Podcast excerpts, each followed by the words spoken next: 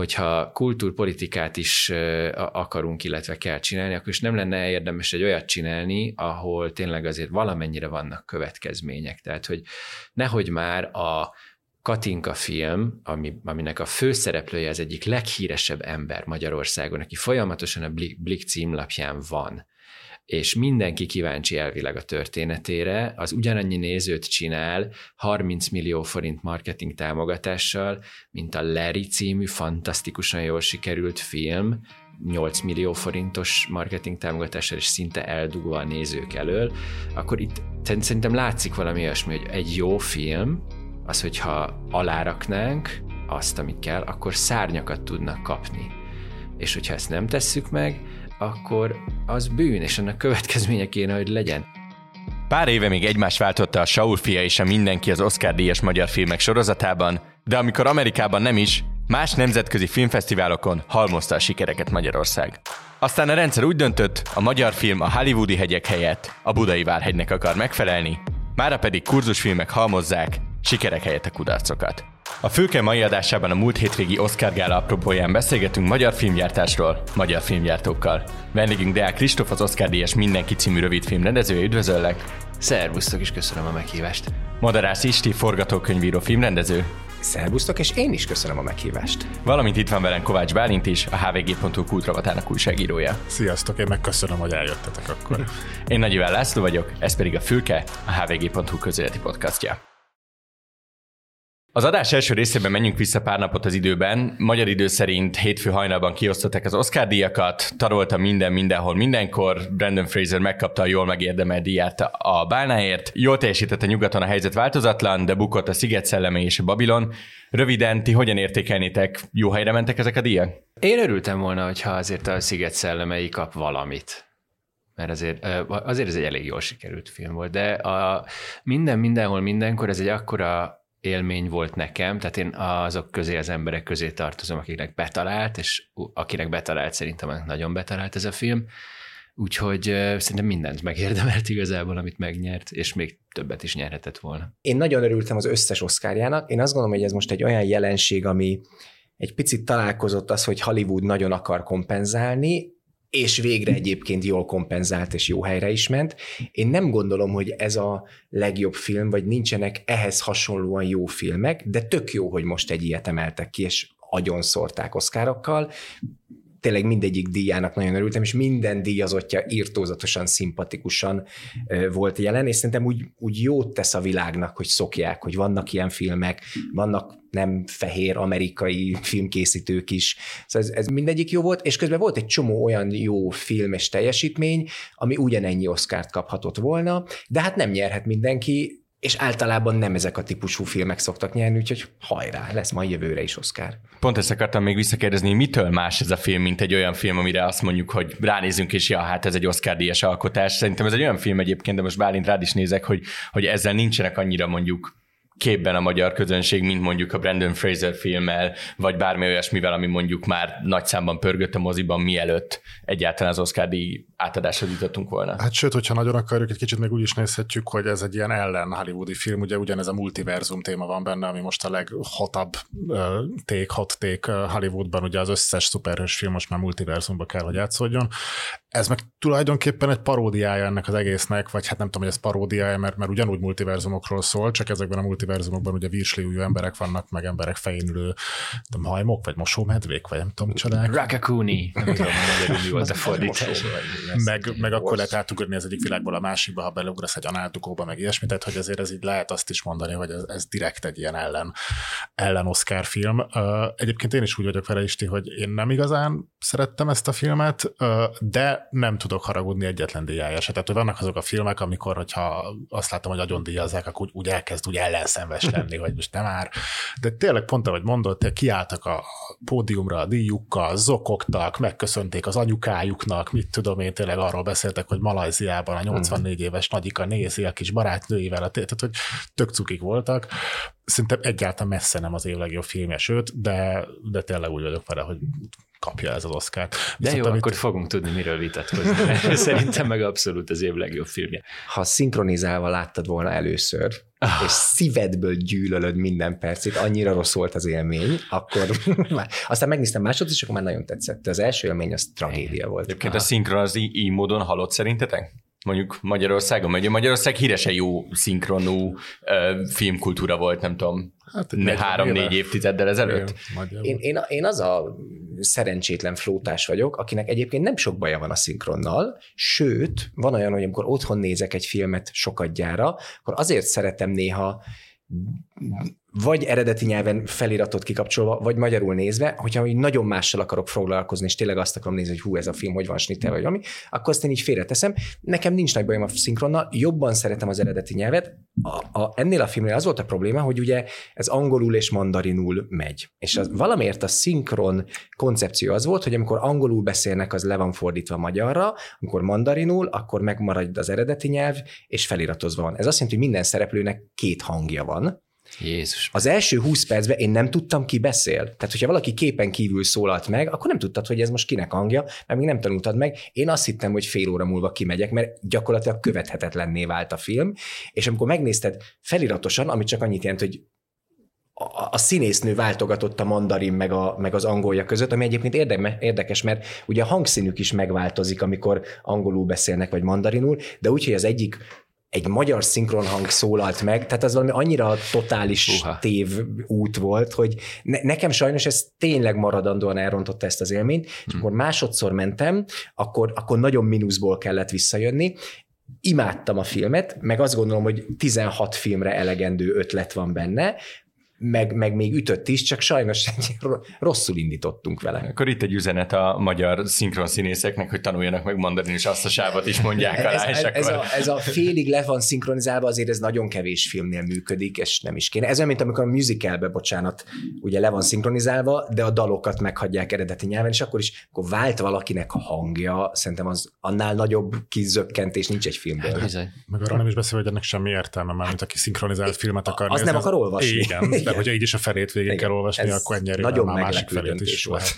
Azt mondtad, hogy kompenzáltak az Oscaron, ezzel úgy érted, hogy az Oscar So White kampány. I- igen, és én, én, én bevallom, én gyűlölöm ezt az Oscar So White, szóval értem, de az, hogy mindig megtaláljuk azt, hogy éppen mi a nem jó, és hogy oké, okay, most már vannak nem amerikai színészek, de nem volt a, nem tudom, a forgatókönyvíró között, szóval mindig ütik, vágják, na most gondoskodtak róla, hogy ne legyen támadási felület, ami egyébként nagyon helyes. Tehát, hogy ugye a, a, a betétdalba is indiaiak nyertek, szóval egy csomó olyan ember jelent meg ezen a színpadon, ami szerintem szokatlan volt ennek a közönségnek, közben teljesen igazuk volt abban, és a díjátadók is nagyon vegyesek voltak, hogy, de ugye tudjátok, hogy a világ népességének nagy része az hát így néz ki, meg ilyen nyelveken beszél, szóval ez valahol nagyon jó, hogy van, 50 éve kezd, kellett volna ezt elkezdeni.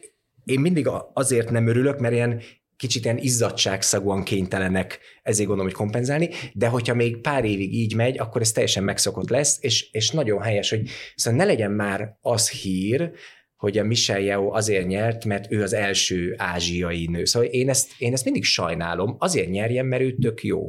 De értem, hogy nagyon mélyről kell visszajönni, de, de örültem neki, meg egyébként sokkal színesebb és vidámabb és érzelmesebb és izgalmasabb volt nekem így az átadó, hogy, hogy nem csak középkorú, ameri- középkorú amerikai férfiak voltak a színpadon, de én amúgy utálom ezt az Oscar szó white eh, hányást. Az egyébként probléma, mert nyilván, hogyha ezt egy ilyen ideális világot képzelünk el, amitől nyilván nagyon messze áll az Oscar is, meg a világ is, akkor nyilván azt kéne mondanunk, hogy teljesen mindegy kell, hogy legyen, hogy akkor ázsiaiak rendezték, vagy sem, feketék játszanak, vagy sem, mert itt csak is az a kérdés, hogy melyiknek a legjobb a minősége. Ugye ezért lehet azt mondani, hogy akkor minden ilyen, ilyen külsődleges szempont, akkor az ezt nyilvánvalóan elrontja. Én speciál beszél, ezzel azért nem értek egyet, mert nyilvánvalóan nem az kapja az Oscárt, ami a legjobb, mert nyilvánvalóan van tíz darab olyan, ami nagyon-nagyon magas színvonalat képvisel, és akkor ebből egyet valamilyen hmm. szempontok alapján ki kell választani. És a tizenegyedik, ami be se jut a tíz közé.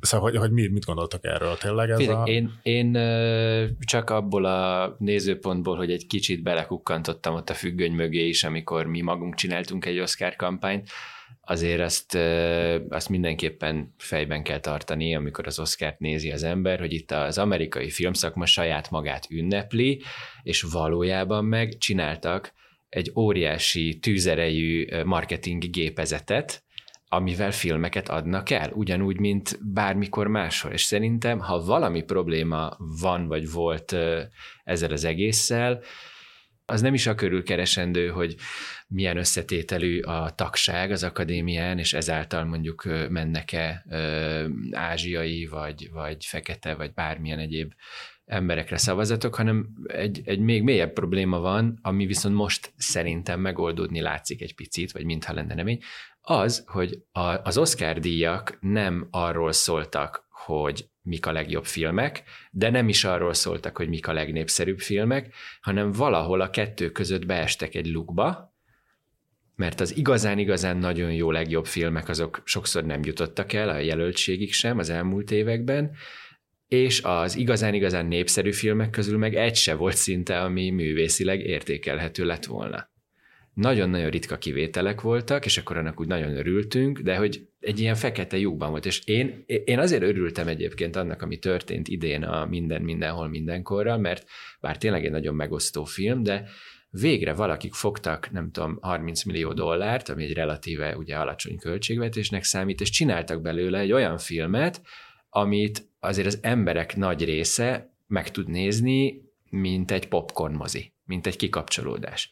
És közben meg olyan filozófiai rétegek, olyan lélektani pontosság, olyan színészi játék, olyan minden van benne, tényleg 16 filmre elegendő, de, de pont ez is a koncepció ja, része, ja. hogy miért ilyen sok, mert ez egy úgymond a minimalizmussal szemben menve egy maximalista ö, alkotás, tehát sikerült valami olyat letenni az asztal és bejuttatni az Oscar gálára 11 jelöléssel, és meg is nyerni hetet belőle, amit, amit hogyha tíz embert leültetsz, akkor kilenc végig is néz, és hétnek még lehet, hogy tetszik is. Tehát szerintem ez a nagyon nagy dolog, mert ez egy olyan feedback loopot generál, elnézést a csúnya angol kifejezésért, nem tudom, hogy hurok talán, vagy hogy lehet ezt nevezni, pozitív spirál. egy pozitív spirált generál, ami, ami azt eredményezheti, hogy Hollywood újra elkezd kockázatokat vállalni új alkotókkal, új sztorikkal, eredeti forgatókönyvekkel, és egy kicsit talán abból a dollár milliárdból, amit franchise-okra elköltenek, és a biztos bevétel reményében ugye gyakorlatilag copy paste képletek szerint generálva teljesen ötlettelen és, és igazából nézhetetlen, unalmas vizuálorgiákat csinálnak.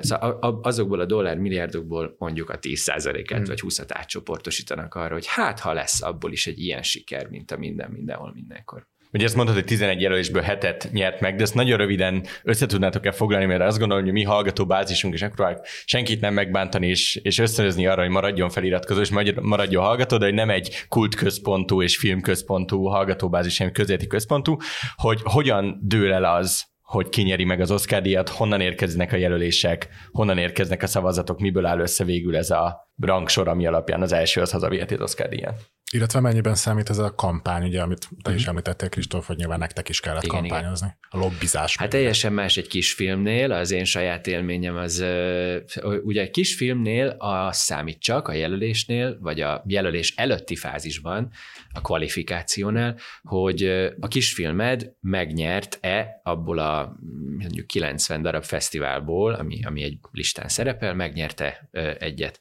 És hogyha ott nyer a kisfilm, általában már azt a fesztivált is több ezer kisfilm közül válogatják, és akkor tehát magyarul megnyerni egy ilyen fesztivált, az már egy nagyon jó szűrő, és akkor ha megnyert egy ilyen fesztivált, akkor bekerülsz a listára. Majd ezt a listát mi, mint hogy én is most már tagja vagyok az akadémiának, a, az akadémiának a animációs és kisfilmes vagy rövid formátumú szakágának a tagjai közül, akik jelentkeznek erre a feladatra, azok megnézik mind a mondjuk 150 kisfilmet abban az évben, vagy legalábbis felosztva egymás között legalább mondjuk a felét, ha megnézed, ilyen előzsűriként, akkor szavazhatsz, hogy melyik ö, mennyire tetszett, és akkor ez alapján az előzsűri véleménye összeáll, abból lesz a tízes szűkített lista, ez a uh, long list, és utána, vagy uh, bocsánat, ez a short list már talán, és akkor abból lesz utána az öt jelölt, az öt jelöltre már a, a, a branch chen, tehát a szakágon belül teljes tagság szavazhat, és akkor a jelöltekre, az öt darab jelöltre meg már csak, vagy arra már az egész akadémia tagság szavazhat. És ugye az elején még nagyon szigorú a követelmény, hogy ez a pár zsűritag az tényleg meg kell, hogy nézze mindegyik filmet, a legvégén meg, amikor az egész akadémia tagság szavaz, akkor ott már nem ellenőrzik azt, hogy megnézted de tényleg azt az öt filmet. Azért mondtam el most példaként, hogy mi van a kisfilmekkel, mert egyrészt ebben én is többször részt vettem már több minőségben, másrészt egy nagyon jó példa arra, hogy minden szakákban, tehát a színészeknél, a rendezőknél, a sminkeseknél, az akadémián belül mindenhol így osztják fel a feladatot, hogy van ilyen előzsűrizés, aztán shortlist, aztán jelölés, és mindig csak a legvégső fázis az, amikor a jelöltekre már szavazhatunk, amikor az egész tagság szavazhat. Ezért aztán itt jön be a kampányolás. Hogyha nagyon ügyesen megdolgozod a, az akadémia közvéleményét, azt a, most azt hiszem 8000 valahány száz embert, a sajtó útján, akkor lehet azokra az emberekre hatni, akiknek nem volt idejük minden filmet megnézni, és lehet azt mondani, hogy úgy gyorsan szavaznom kell, Jézusom, ki volt a legjobb sminkja, azt olvastam, hogy a, mit tudom én, és akkor gyorsan arra rányom egy szavazatot az az illető, aki Egyébként mondjuk... Kötelező mindenre? Tehát, hogy ott nem lehet, hogy te csak a, nem tudom, tíz kategóriára szavazol, a maradékot üresen hagyod? Hát nem kötelező egyébként, lehet, lehet tartózkodni is egy szavazattal, Viszont szerintem ez kicsit ez, ez olyan érzés, hogy, hogy az ember, ha már van egy szavazata, akkor kicsit úgy érzi, hogy van egy valamilyen hatalma vagy ereje, és akkor nehogy már, az, nehogy már ezt elpocsékoljam jelleggel, ezt, ezt, ezt is behúzza valamire, akkor, akkor hogyha fogalma sincs az adott kategóriáról, hogy ki érdemelné meg a legjobban. Meg azért mondjuk általában egy valamit minden kategóriából láttál, vagy találkoztál vele, tehát hogy szinte lehetetlen elkerülni. Tehát így, így működik ez a dollár milliós gépezet, ami így dolgozza meg szép lassan a, a közvéleményt, hogy, hogy, hogy az, a, az a 8000 ember az, az inkább rájuk nyomjon a végén, mint valami másra. De tehát ez egy ilyen, ilyen hosszadalmas fönt, és minden, minden kategóriánál kicsit más. És te hogy szavaztál? Tehát, hogy a, mit tudom én, a, a legjobb hangvágás díjára. Tehát az olyanokra, amik azért nem a legjobb film, amit nyilván az ember lát tíz filmet, és tudja, hogy melyik tetszett a legjobban.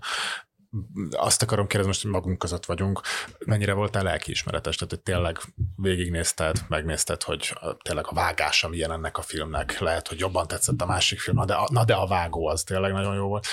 Vagy, vagy tényleg, tehát hogy nálad ez hogy működik? Ez fura, mert általában pont azok a pont azok a jók, azok a filmek jók az ilyen szempontokból, ahol nem nagyon veszi ezt észre az ember. Tehát sokszor ezt érzem, hogy mondjuk a vágás díjat én mindig annak adnám, ahol a legkevésbé vettem észre azt, hogy volt egy vágója egyáltalán a filmnek. Ez már mondjuk nem feltétlenül igaz a filmzenére, vagy az operatőri munkára, de, de teljesen más, hogy nézem én szakmai szemmel szerintem, mint egy átlagember hogy szavaztam? Hát ez jó kérdés. Például szerintem azt hiszem az operatőri díjnál a, a Batmanre szavaztam, mert azt gondoltam, hogy, és, és a VFX díjnál is, azt gondoltam, hogy az, az, amit abban a filmben véghez vittek, ugyan nem annyira hiperlátványos, de a maga visszafogott módján elképesztően nagy szakmai teljesítmény, és volt olyan film is, ahol most például, csak azért mondom, mert ez egy, egy viszonylag friss élmény, ez ugyan nem volt jelölve más oszkára, csak a főszereplő és a forgatókönyv oszkárjára jelölték a Living című filmet, vagy Élni, nem tudom mi a magyar címe, vagy mi lesz a magyar címe. Egy döbbenetesen szépen fényképezett film, amit szerintem teljesen hazavág az, hogy hogy van vágva vagy nem teljesen, de hogy ha ott annak lett volna annak a filmnek egy igazán jó vágója, akkor ezt még egy szinttel följebb tudta volna emelni. Ja, azt úgy pedig. Hm? Azt nagyon várom azt a filmet. Ja, nem, nézd meg, nem, meg, ez nem, meg olyan, nem olyan, tehát nem az van, hogy így kiszaladsz a moziból, ne, csak nem, az van, hogy így, az, az van, hogy így azt látod, hogy Na, ez a vágó az nem volt azon a szinten, mint mm. a rendező, vagy a főszereplő, vagy az operatőr. Vagy a, és a fényképezés az olyan, hogy a Batman után annak adta volna az Oscar-t, ha jelölve lett volna. Döbbenetes, gyönyörűen van fényképezve, nagyon-nagyon szép.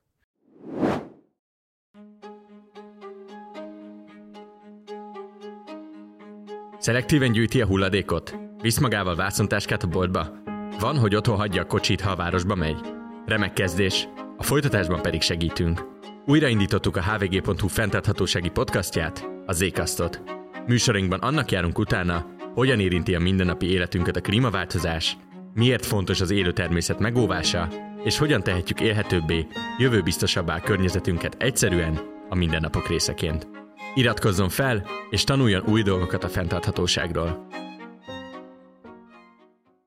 És térjünk is rá a második nagyobb témánkra, ugye a Fülke korábbi epizódjaiban többször is foglalkoztunk kortás magyar filmekkel, Hát kortás magyar filmekkel, melyekkel egy jó ideje most már nem találkozunk mondjuk az olyan diátadókon, mint az Oscar. Noha egyébként készülnek remek produkciók itthon, Bálint is rengeteget feldolgozott különböző cikkekben a Ponthun.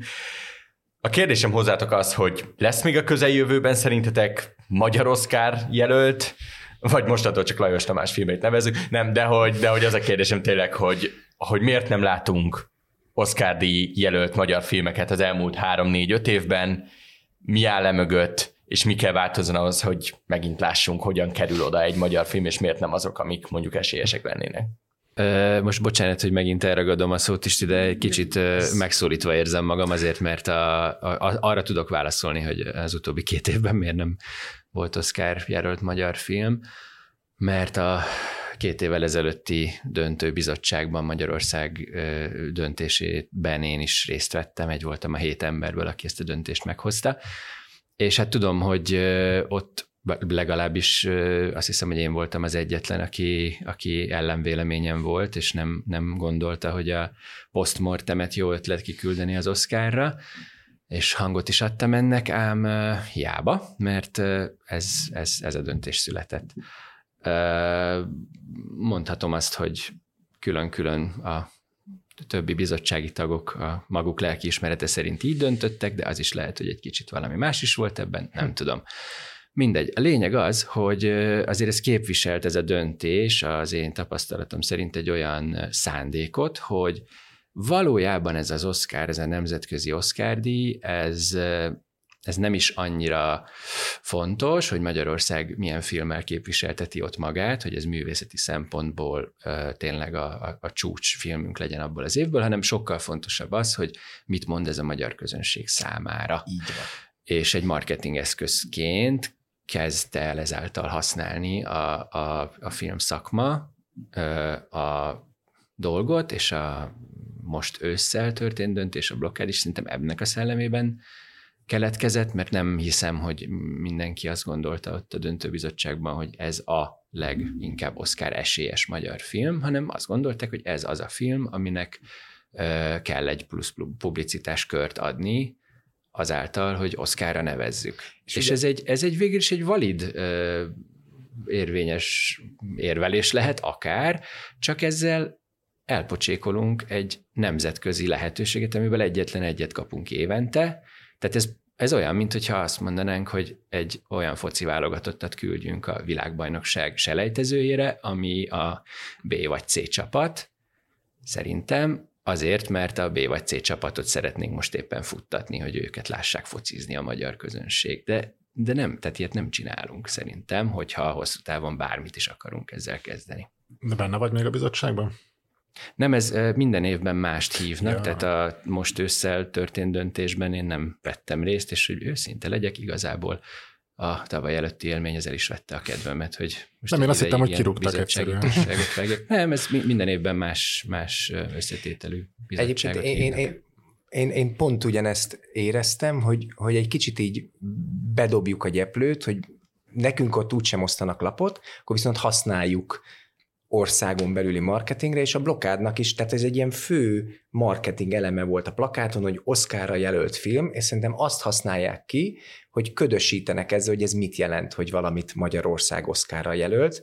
Ezt a legtöbb ember, már bocsánat, úgy, úgy vesz, hogy ez valami nagyon nagy dolog. Pedig szerintem ez nem olyan nagy dolog, hogy mi kiválasztunk a magyar filmekből egyet és elküldjük. Ez egy nagyon nagy lehetőség, de ez önmagában még nem rang a nézőknek, de ők úgy adják el, mintha ez egy, ez egy óriási teljesítmény lenne, és szerintem a támogatóknak, a, akárkiknek ez egy, ez, egy, ez egy jó dolog, hogy hú, a blokkád az Oscarra jelölt film, de ez azért ez így nem igaz.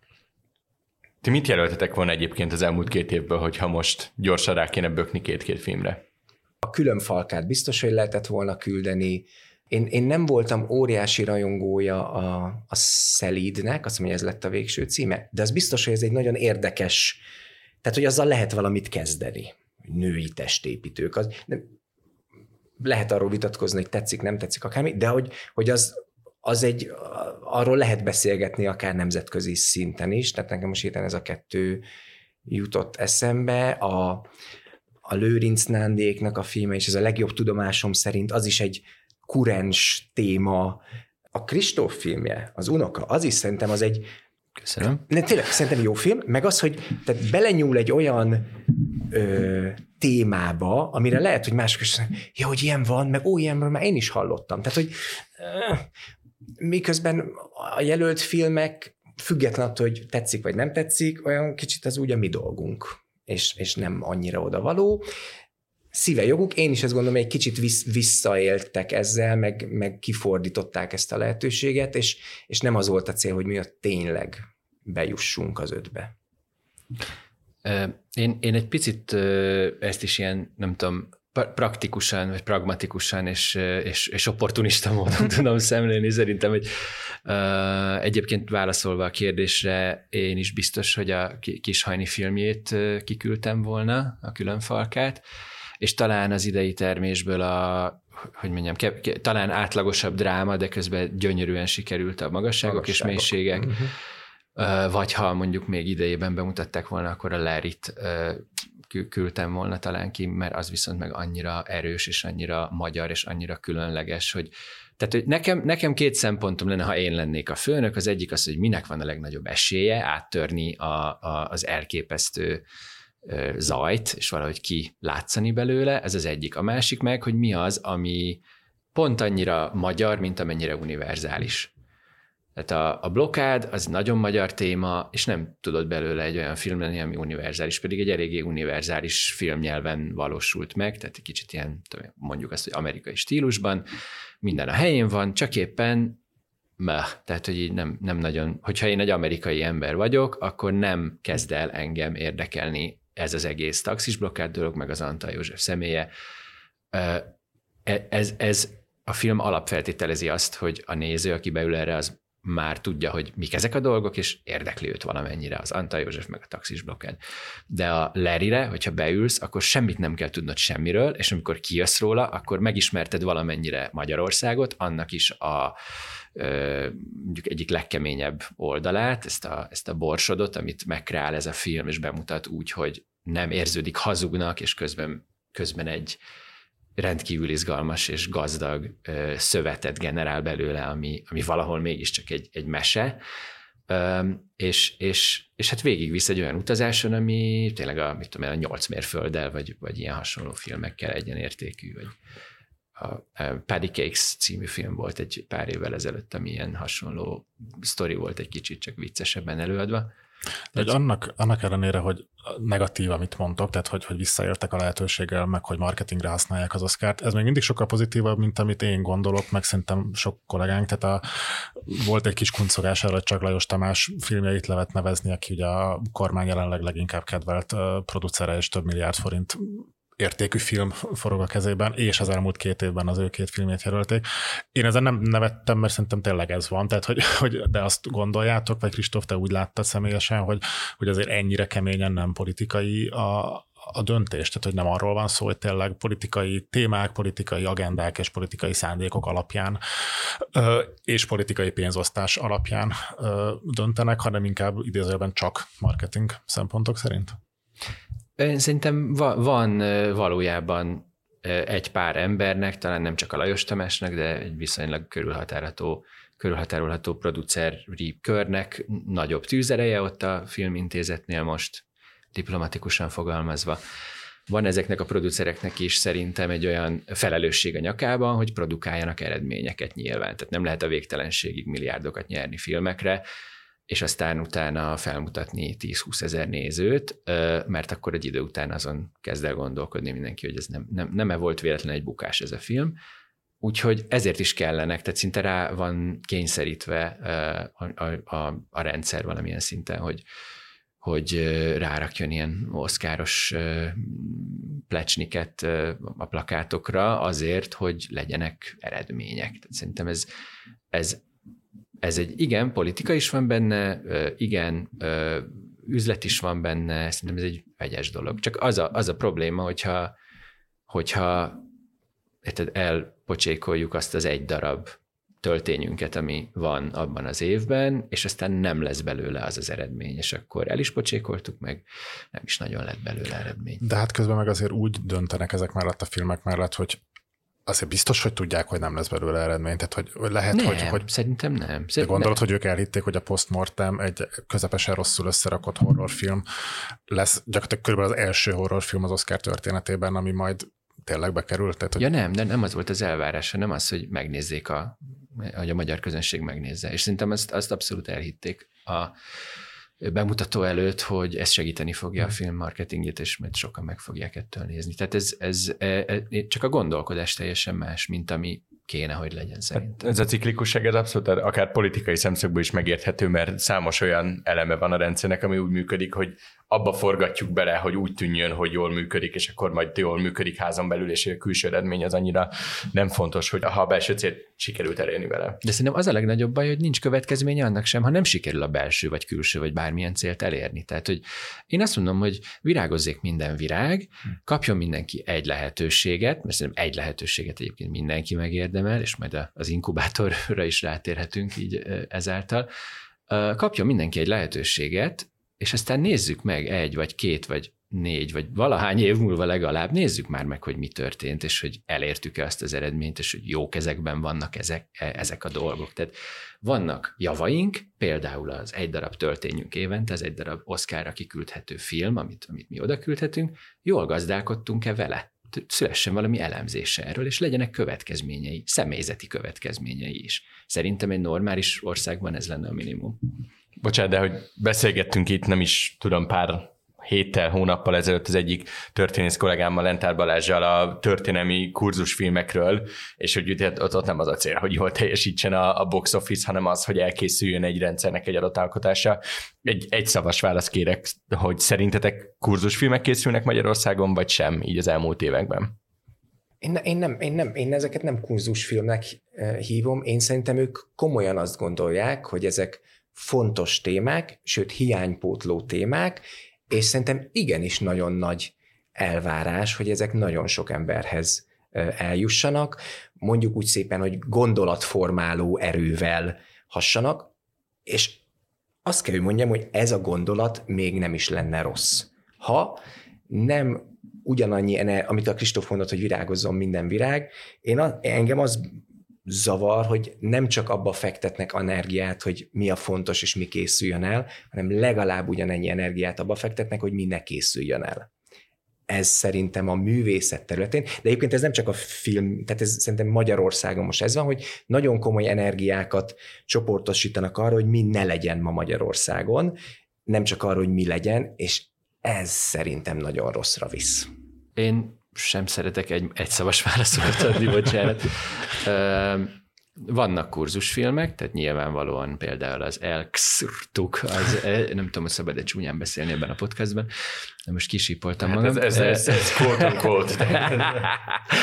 hogy tehát vannak egyértelmű kurzusfilmek, és vannak, és vannak olyan filmek, amik azért készülnek, mert valaki azt gondolja, hogy e, ennek mentén lehet tudom, valamilyen szinten közösséget építeni e, szomorú kis nemzet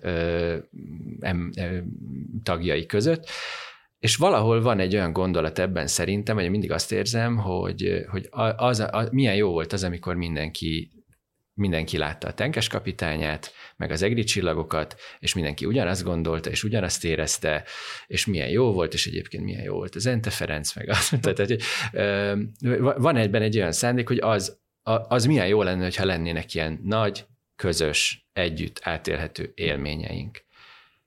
Ez egy tök nemes szándék szerintem.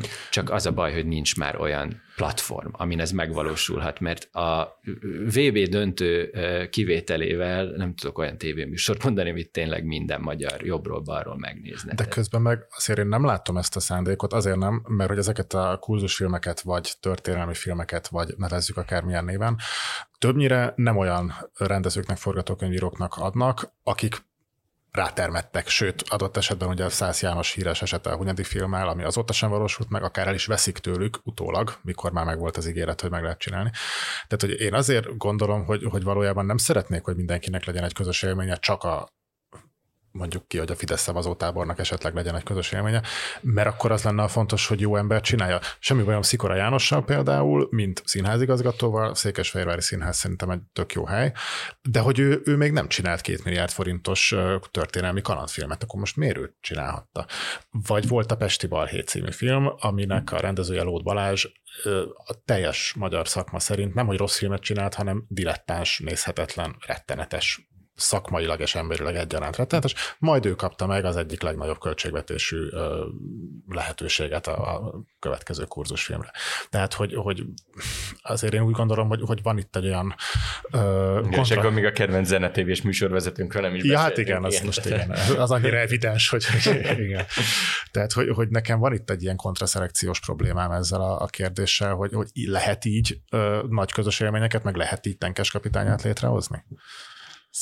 Én azt kell, hogy mondjam, hogy szerintem én Kristóffal értek egyet, pedig tényleg ez a szándék, nincs jól végigvéve, mondjuk szakmailag, semmiképpen sem. Tehát szerintem a, a felüllevő gondolat, hogy költsünk el a költségvetésből x milliárdot arra, hogy mindenki együtt majd huszárokra nézzen mosolygós arccal, és, és összekapcsoljon minket az, hogy, hogy nekünk milyen tökös huszáraink vannak, és ez tényleg ez kb. ez a tenkes kapitány érzet. Szerintem én, ebben még nincs kivetni való. Aztán, hogy ez a különböző szinteken lefelé, hogy megy le a döntéshozókra, és ki hozza meg azokat a döntéseket, és miért, hogy ki mit rendezzen, ott vannak kérdések, és egyébként pedig, na most magamra húzok minden, szóval Lót Balázs védelmében abban az évben, amikor arról kellett dönteni, hogy ki rendezze a Petőfi filmet, Lód Balázs rendezte a legnézettebb filmet. Tehát ez egy fact. Ez nagyon sok minden mondatot lehet még emellé mondani, de ez egy tény, és én tudom, hogy ezt figyelembe vették. Ez a Pesti Balhé volt? Ez a Pesti Balhé volt. Igen, a körülmények Na, azoknak, akik nem tudják, a Covid éve volt. Ez, ez a Covid éve Bezárt volt. mozikkal, tehát hogy de nem sok magyar filmet mutattak be. Akkor. Nem Igen. sok magyar film, és ez volt messze a legnézettebb film, amit szeretett a közönség. Szóval érte, tehát, hogy ez egy adat, nem biztos, hogy ez az adat jól van felhasználva, de ez egy adat volt. Másrésztről meg itt megint egy kicsit eszembe jut az ilyen nem tudom, döntéshozói felelősség kérdése is, hogy, hogy meg kell nézni, hogy mi lesz ezekből a dolgokból, és hogy az lette, amit akartak, és hogyha nem, akkor azért vállalni kell a felelősséget. Tehát az lenne a következő lépés, hogyha mondjuk a hadik netán nem sikerült úgy, vagy nem teljesít úgy a moziban, mint ahogy elvertek, akkor azt kell mondani, hogy bocs, ezt elrontottuk, és akkor most próbál, próbálkozzon valaki más. Tehát magyarul ez a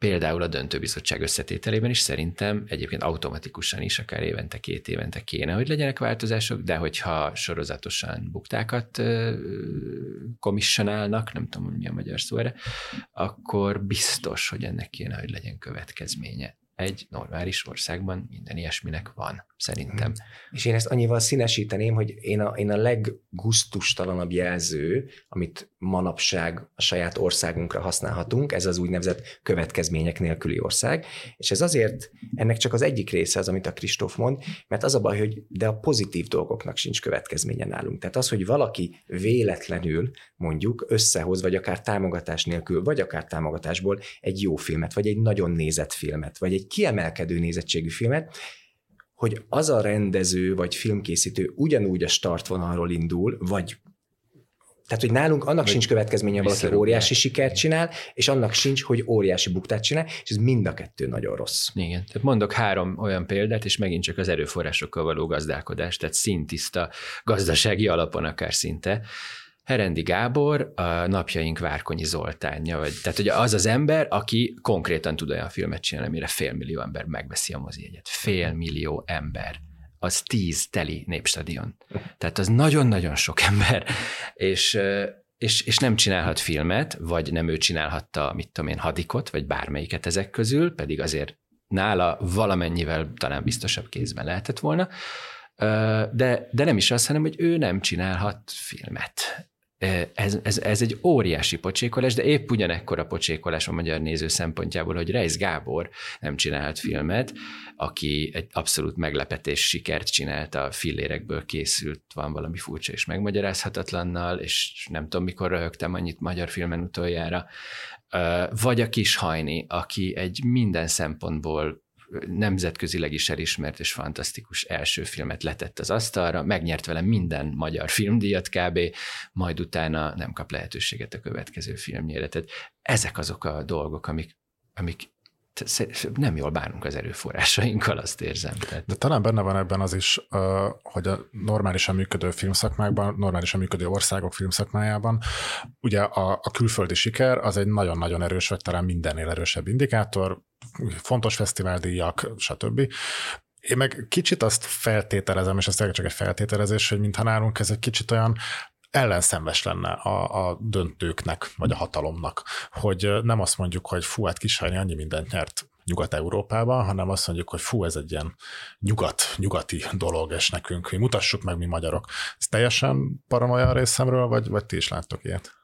Én nagyon biztos vagyok benne, nem olvastam még a listát, hogy Kishajni keleten is nyert sok díjat. Tehát számunkra, Türk filmnapokra. Igen, tehát valószínűleg hozott onnan is díjat. Én inkább azt gondolom, hogy sajnos ahogy minden más is, egy kicsit ilyen relativizálva lett, hogy az fontos, amit mi fontosnak akarunk tartani, és én már attól félek, hogyha most egy, egy a, a, a rendszernek valamilyen nem szimpatikus film véletlenül izé, kerülőpályán bekerülne az Oscarra, vagy én nem tudom hova, nem a mi jelölésünk alapján, hanem nem tudom, és az nyerne, akkor, akkor el lehetne mondani, hogy á, ez nem is olyan fontos az Oscar, és hogyha meg egy nekünk kedves dolog nyer egy 20 rangú díjat, azt úgy fel lehet hype mintha az a világ legfontosabb díja lenne, és de ez a mai ez a mai média kornak a terméke, hogy tényleg mindent lehet egy kicsit súlyozni, és a, az a fontos díj, amit ami nekünk fontos, és amit mi nyertünk,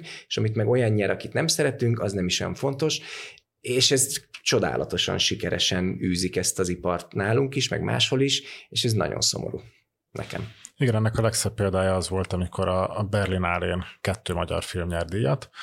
Az egyik volt, ezek közül a rengeteg kettő, ami egy teljesen no budget film alaptól teljesen független Flickhoff Mence film volt, és a film alap közleményében csak a másik díj szerepelt. A Flickhoff díj az konkrétan nem volt hmm. benne a közleményben, tehát ez szerintem egy nagyon pontos leírása volt ennek az, amit És bocsánat, megint egy nemzetközileg elismert magyar filmrendezőről beszélünk, aki konkrétan, hogyha az Oscar shortlistre bekerülne, akkor nem lenne teljesen ismeretlen a neve az akadémia tagok előtt. Tehát.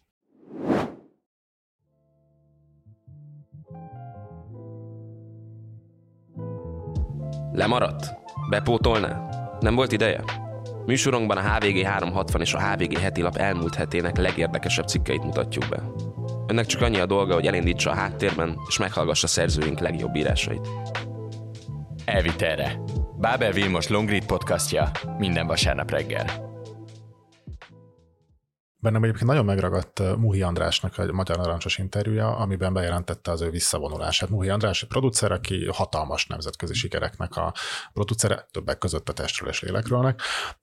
Ő azt mondta, hogy szerinte az konkrétan megalázó a magyar filmesek számára, hogyha azt látják, hogy Rákai Filip minden filmes múlt nélkül, nem tudom, négy és fél, vagy most már 6,1 milliárd forintot kap, vagy akár Szikora János, stb. Titeket, magyar filmeseket kérdezek, megalázó ez számotokra, amikor ilyen híreket olvastok? Nekem, de én ebben lehet, hogy megengedő vagyok. Engem tényleg, a, ez megint a virágozzon minden virág.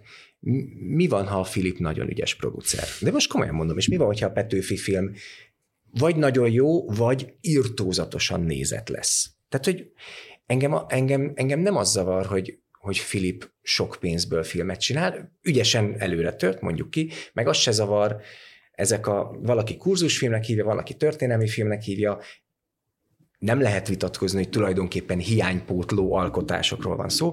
Engem az jobban zavar, hogy de mi van az összes többivel. Tehát, hogy ha és, és ha én lennék a döntéshozó, és egyébként az lenne a feladatom, hogy ezek a nagy költségvetési történelmi filmek elkészüljenek, mert ez kell és kész, vagy egyáltalán ezért van pénz ma az NFI-nél, akkor azt mondom, hogy oké, okay, de adjunk még hármat, ötöt, nyolcat, kilencet olyan embereknek, akik bizonyítottak, ügyesek, jót csinálnak, és, és menne előre az élet. Ez a totális kiszorítás, ami egyébként egy kedvelt módszere most a, az irányító szerveknek, szerintem ez, ez az, ami, ami pusztító. Elkészül a hadik, elkészül a Petőfi, elkészül. Én szívemből drukkolok, hogy jók legyenek, szívemből drukkolok, hogy, hogy sokan nézzék őket, és ezt most úgy kell, hogy mondjam, hogy ugye én most éppen az egyik haszonélvezője vagyok ennek a rendszernek a, a Tündérkert című sorozatommal, esküszöm nektek, hogy nagyon jó lesz, és megéri a, a ráfordított pénzt, de az, Szóval engem az nem zavar, hogy én ezt csinálhatom, az zavar, hogy mások nem csinálhatják. Az nagyon zavar. És, és egyszerűen kontraproduktív, és bárcsak ezt belátnák. Én, én hozzátennék ehhez még egy dolgot, ami a kérdésedre válaszolva egy picit néha megalázónak érzem a dolgot, meg mondjuk az zavar, hogy te szerintem például a Filip igazából most már múlt időben elmondhatjuk, hogy már letette az első munkáját, tehát a névjegyét már letette az asztalra az aranybullával, az így sikerült, szerintem ennyi pénzből sokkal jobban sikerülhetett volna. Megjegyzem, 38 forgatási nap alatt forgatták a Minden Mindenhol Mindenkor című hétszeres Oscar díjas filmet. Még én is kettővel tovább, két nappal többet forgattam az unokát, tehát hogy mondjuk 40 forgatási nap alatt már össze lehet 7 Oscar díjas filmet hozni, és 40 forgatási nap, napot azt ki lehet hozni egy milliárd forint alatt testvérek között is, ezt most nyugod, nyugodtan mondjuk ki. Lehet, hogy nem 1200-es években játszódó dolog, de mindegy, arra is tudok példát mondani tizen évvel ezelőttről a BBC-ből, hogy valaki megcsinálta a, a, a, a seregeket és hordákat egy-két-három statisztával, akiket green screenben fölvett és kézzel összerakta After Effects-ben, és utána egy pár évvel később rendezte a, a Zsivány egyes című filmet, aki ezt összerakta, Garrett Edwards? Igen. igen. Szóval, tehát, hogy meg a, meg a Monster, tehát, hogy igen, ha van tehetség, akkor nagyon sok mindent meg lehet csinálni. De egy másik dolog nekem tökre zavar, hogy mindig beszélünk ezekről a nagy ö, szandálos kardozós ö, kurzus, vagy történelmi, vagy nem tudom, minek nevezzük filmekről, arról meg egy szót sem ejtünk, hogy amíg a magyar adófizetők pénzéből odaadunk mondjuk két milliárd forintot hadikra, vagy most, bocsánat, a számok nem lesznek pontosak, de addig az amerikai filmiparnak odaadtunk az elmúlt tíz évben 547 milliárd forintot. 547 milliárd forint adóvisszatérítést adtunk Hollywoodnak, csupa olyan filmre, amik piaci alapon működő és készülő filmek voltak. Tehát most gondoljatok bele, hogy ebből az 547 milliárd forintból, hogyha az egy ezrelékéből készülhettek volna csak az elmúlt tíz évben, tudom én, inkubátoros filmek, akkor most lenne még öt vagy hat film, ami elkészülhetett volna. Igen, ugye ehhez a inkubátor kérdést, ezt meg többször kerülgettük azoknak a hallgatóknak, akik nem olvasták a híreket. Az inkubátor program az egy pályakezdő első filmes alkotókat gyakorlatilag apró pénzzel az első filmjüket megsegítő program volt, még az Andy Vajna korszakban találták ki, azóta remekül működött. A remekült, ezt úgy értem, hogy ahogy erről már beszéltünk, nyugati filmfesztiválokon nagy díjakat hoztak el az így készült alkotások. Ö, idén is úgy tűnt, hogy minden rendben van, öt filmnek, ahogy minden évben megszavazták ezt a maximum 120 millió forintos, tényleg filmekhez képest apró pénzes költségvetést, majd most pár héttel ezelőtt, hónappal ezelőtt azt mondta a kormány, hogy ezek mégsem készületnek el, illetve ötből három mégsem készület el, egy pedig majd a tévés döntőbizottság elé fog kerülni, egy film maradt az ötből. Uh, igen, tehát hogy ez olyan nagyjából 360 millió forint uh, spórolás, de az az egyetlen egy információ, amit a, a filmesek kaptak, hogy egyébként nem is pénzkérdésről van szó. Uh, csak ez az 547 milliárd forinthoz szerintem ezt talán még igen, meg igen, lehetett igen. Idezni. Tehát ez most megint még egy kontextus ez, hogy a, a Blade Runnerben Harrison Ford fizetésének a 30%-át is mi magyar adófizetők fizettük. Mondjuk a, megérdemelte. Abszolút, minden egyes fillért. De, de most nem erről van szó, nem. A, a, a Nicolas Cage film, ami itt forgott Magyarországon, illetve a Horváth tengerparton magyar stábbal, a, a óriási tehetség elviselhetetlen súlya, vagy mi volt a magyar igen, címe? Igen, igen. igen. Nagyon vicces film, 30 milliárd dollár, abból akkor most testvérek között is kilencet a magyar adófizetők. 30 millió dollár. 30 millió dollár igen. elnézést. Abból kilencet a magyar adófizetők fizettek vissza a Nicolas Cage fizetésével együtt. És igen, volt annak a száz valahány kollégának, vagy 200 stábtagnak munkája, és nagyon jól kerestek vele, és én nem azt mondom, hogy ne legyen amerikai filmipar Magyarországon, mert óriási hozadéka van nyilván, de hogy nehogy már ne lehessen abból a, abból a 30 százalékból fél százalékot mondjuk még átcsoportosítani arra, hogy közben, közben legyenek fiatal magyar alkotók, és legyen jövője a magyar filmnek. Szerintem ez, ez tök fontos, amit a Kristóf mond, hogy hogy, hogy, hogy ne legyen ennek olyan felhangja, hogy ez ne legyen, mert ez, ez egy nagyon komoly iparágat működtet Magyarországon, mert nagyon sok magyar ember dolgozik, és szerintem ez már ugye a GDP-ben is látszik az a pénz, ami ide bejön. Inkább az Én nem a... hiszek a GDP-ben, bocsánat. Hát van, van olyan.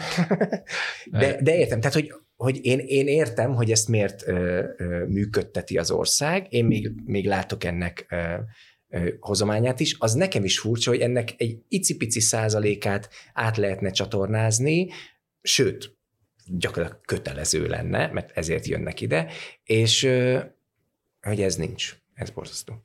Még egy témára ugorjunk vissza, ugye mondtad is, hogy te most a, átültél a másik oldalra a rendszer haszonélvezői közé. Ugye Móricz Zsigmondnak az Erdély trilógiájából készíted éppen a, a Tünderkert című Duna TV-s, ugye? Uh-huh. Duna TV sorozatot Kálomista Gáborral és Helmeci Dorottya uh-huh. producerekkel, akiknek leghíresebb munkája az Elkurtuk. Ez persze nem így van, de mármint, hogy tényleg az ő munkájuk, de persze nem ez a leghíresebb.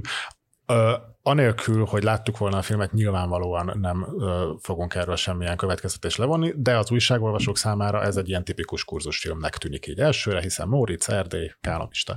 Uh-huh. Neked ez okozott uh, álmatlan éjszakákat, hogy, hogy amikor erre felkértek, arra majd mit mondj?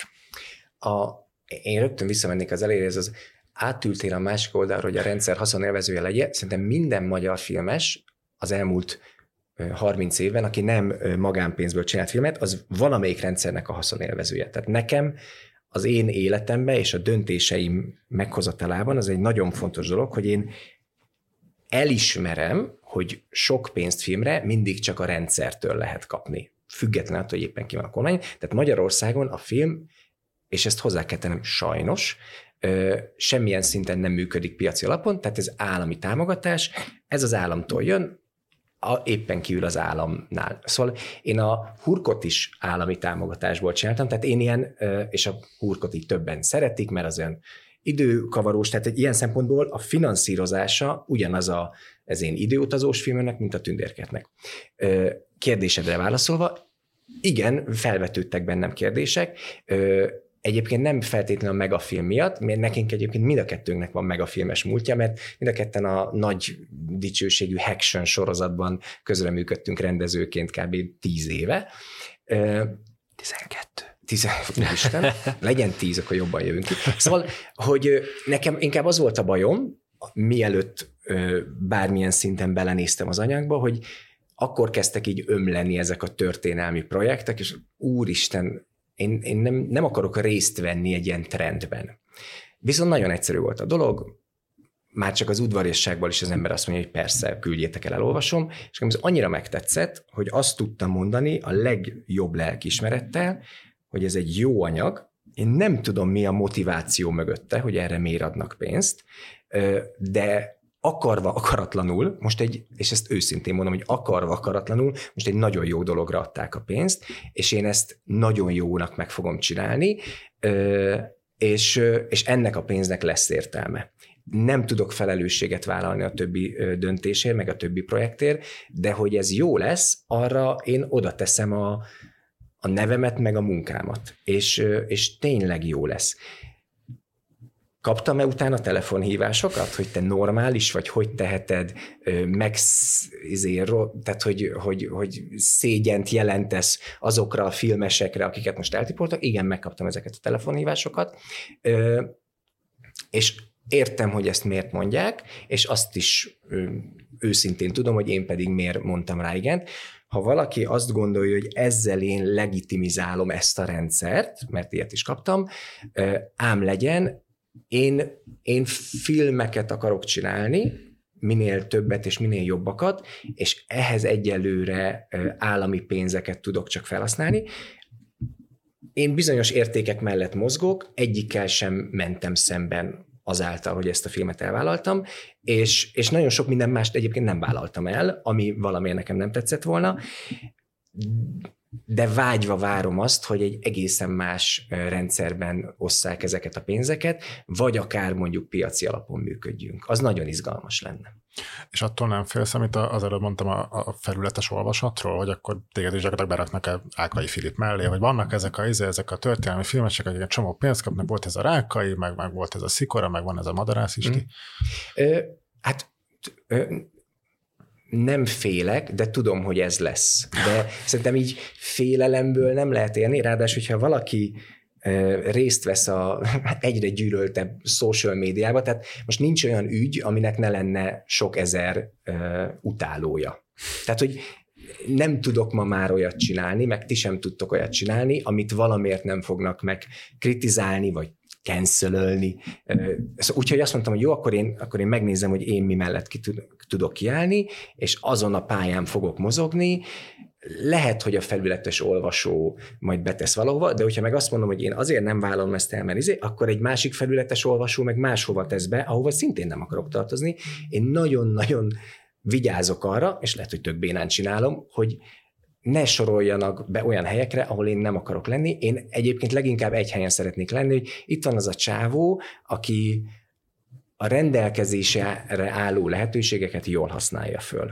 És szerintem ha a most kiosztott milliárdokat, csiliárdokat jól használják, vagy jól használnák föl a adott játékosok, akkor nem lenne ilyen nagy baj. Kristóf, te vállaltad volna? Vagy vállalod, hogyha holnap felhív mondjuk Államista Gábor, és olyan forgatókönyvet küld, amire azt mondod, hogy ez tök jó, cucc, tetszik. Vagy Rákai Szerintem a Gáborral én nem, nem biztos, hogy dolgoznék, és nem is feltétlenül a politikai, vagy bármilyen oldalak, meg ilyesmik miatt, hanem azért, mert az a 12 évvel ezelőtti közös kaland az nem, nem sikerült úgy, és nem úgy ért véget, ahogy tehát szerintem nem, nem, nem, nem volt korrekt az, ahogy véget ért, meg azóta is történt egy pár dolog, amiben szerintem nem volt korrekt szakmailag sem. Valahogy nekem a, a legfontosabb az, hogy azok a dolgok, amik elkészülnek, amiket csinálunk, azok megmutassák azt, hogy ugyanabból a pénzből, ugyanabból az állami pénzből akár lehet ö, olyat csinálni, amit tényleg színvonal. És én most jelenleg nem látom biztosítottnak egyik olyan műhelynél sem ezt az én inkompatibilitásom miatt, vagy nem tudom mi miatt. Egyszerűen szerintem nem tudnék együtt dolgozni ezekkel az emberekkel, mert mást gondolunk a világról és a filmkészítésről is de mindegy is, mert nem is, nem is ezekben az irányokban keresgélek mostanában, nem feltétlenül Magyarországon szeretném forgatni a következő filmemet. Az adásban eddig tök sokat beszéltünk arról, hogy milyen a jelen helyzete, és hogy ennek milyen vetülete van arra, ami a következő időszakban jöhet. De végül is utolsó kérdésnek én azt tenném fel nektek, amit, amit Bálint narratíván is érzek, és amit a sajátomon is, és nagyon sok más újságíróin is, hogy, hogy van egy nagyon borús kép arról, ami kialakult a magyar filmgyártásban akár csak annyit néz valaki, hogy volt egymás utáni két évben Oscar díjasunk, és most öt éve nincs, akár azt nézi, hogy kikapnak állami megbízásokat. Ti szakmán belülről valóban ennyire borúsnak látjátok a helyzetet, amennyire mondjuk mi újságírók, akik megélhetésből kritikusok vagyunk minden, mert tényleg ez a dolgunk, vagy, vagy van egy csomó olyan dolog, ami egyébként optimizmusra ad okot, csak mi ezt mondjuk laikusként vagy sajtósként nem látjuk. Szerintem kispadra, nem, nem hogy kispadra ültettünk, hanem eltörtük a lábát a legjobb játékosainknak szerintem. Az, hogy begyógyuljanak ezek a lábak, és újra formába jöjjenek, ahhoz, ahhoz, ahhoz lehetőséget kell adni nekik, és, és, és dolgozniuk kell. És nagyon sokan megtalálják ezeket a lehetőségeket akkor is, hogyha nincs állami pénz. És nagyon örülök, hogy még mindig nézhetek Hajdu Szabolcs filmeket, Kettő pedig, pedig, igen, pedig, pedig nincs rá állami támogatás. De szóval én, én elgondolkodnék, ezt amit már többször is mondtam, én elgondolkodnék azon, hogyha hogyha kultúrpolitikát is akarunk, illetve kell csinálni, akkor is nem lenne érdemes egy olyat csinálni, ahol tényleg azért valamennyire vannak következmények. Tehát, hogy nehogy már a Katinka film, ami, aminek a főszereplője az egyik leghíresebb ember Magyarországon, aki folyamatosan a Blick címlapján van, és mindenki kíváncsi elvileg a történetére, az ugyanannyi nézőt csinál 30 millió forint marketing támogatással, mint a Larry című fantasztikusan jól sikerült film, 8 millió forintos marketing támogatással, és szinte eldugva a nézők elől, akkor itt szerintem látszik valami olyasmi, hogy egy jó film, az, hogyha aláraknánk azt, amit kell, akkor szárnyakat tudnak kapni. És hogyha ezt nem tesszük meg, akkor az bűn, és ennek következménye kéne, hogy legyen. Egy jó rendező lehet, hogy csinál néha rossz filmet, de amikor meg jó filmet csinál, abból olyas valami lesz, amire húsz évig emlékszünk. És ha elveszük ezt a lehetőséget, vagy meg se adjuk, akkor ez egy bűn, és annak kéne, hogy legyen valamilyen következménye. Ennyi. Szerintem azért látom sötéten a dolgot, mert hosszú-hosszú évekig tart egy alkotónak fölállni abból, hogy eltörték a lábát, ugye, és nem, nem állhat pályára, és, és szívből kívánom, hogy ne így legyen, de, de azt hiszem, hogy az már korábban általam is említett fiatal alkotók, vagy a most három, most elvett lehetőséggel a három inkubátoros ifjú alkotó, vagy az öt következő inkubátoros alkotó, ugye most jelenleg tizen állnak versenyben, decemberben ki lettek tizen választva a következő inkubátoros körre, tehát abból is öt embernek meg fogják ítélni, a szakmai zsűri meg fogja ítélni a, a lehetőséget, majd utána a döntőbizottság el fogja venni, tehát nem tudhatjuk, tehát ott is most tíz fiatal tehetséges ember, akiket egyébként százból választott ki az előzsűri, ott állnak, hogy, hogy egyáltalán nem biztos, hogy életük első kis lehetőségét megkapják-e egyáltalán. És ezek a lehetőségek a legfontosabbak. És ez nagyon pici szakma, figyeljük egymást, látjuk, hogy mit csinál a másik, és iszonyatosan örülünk, amikor egy új tehetség jön és feltűnik. És azért is mondom, mert például az Isti, disclaimer, ott volt abban a döntőbizottságban, ami a mindenkinek odaítélte a támogatást. És én senki voltam, egy kis rendezőcske, akiről senki nem hallott addig. Jöttem egy forgatókönyvvel, amire azt mondta egy bizottság, hogy oké, okay, itt van rá 8 millió forint, mert ez így jónak tűnik, csináld meg. És tudtunk belőle csinálni egy Oscar díjat. Tehát, hogy ezekre kéne odafigyelni, hogy ezek a dolgok jól működjenek, és ha meg nem működnek jól, akkor meg nagyon, nagyon át kéne értékelni ezt, hogy jól csináljuk-e a dolgokat. És Isti írt neked egy e-mailt egyik éjszaka, amikor megnézte a nyersét a mindenkinek, hogy figyelj, ebből még valami nagy dolog is kisülhet, és még nagy díjakat meg, meg is, is van ez az e-mail, igen, be is kereteztem. De nem tényleg, ezek, ezek fontos dolgok, egymást, egymást uh, tudjuk uh, pontosan ilyen módon segíteni, és ezért nem szabad például az inkubátorprogramot kinyírni, mert ott pontosan ugyanez tud történni, hogy hozzáértő szakmai szemek észreveszik az új generációból azt, hogy ki az, akiben ott van ez a különleges szikra, az a láng, az a valami, és utána segítenek, hogy ezt ki tudja bontani. És lehet, hogy ötből csak egy, vagy tízből csak egy sikerül, de muszáj, hogy, muszáj, hogy eljussunk odáig, hogy ez az egy az összejöhessen. Köszönöm szépen, hogy itt voltatok, hallgatóinknak pedig köszönjük a figyelmet. A fülke hamarosan folytatódik, új műsoraink, a Zékasz és az Elvitelre pedig már megérkezett a hvg.hu podcast csatornájára. Iratkozzanak fel és kapcsolják be az értesítéseket, hogy ne maradjanak le egyetlen adásunkról sem. Én Nagy Iván László vagyok, viszont hallásra!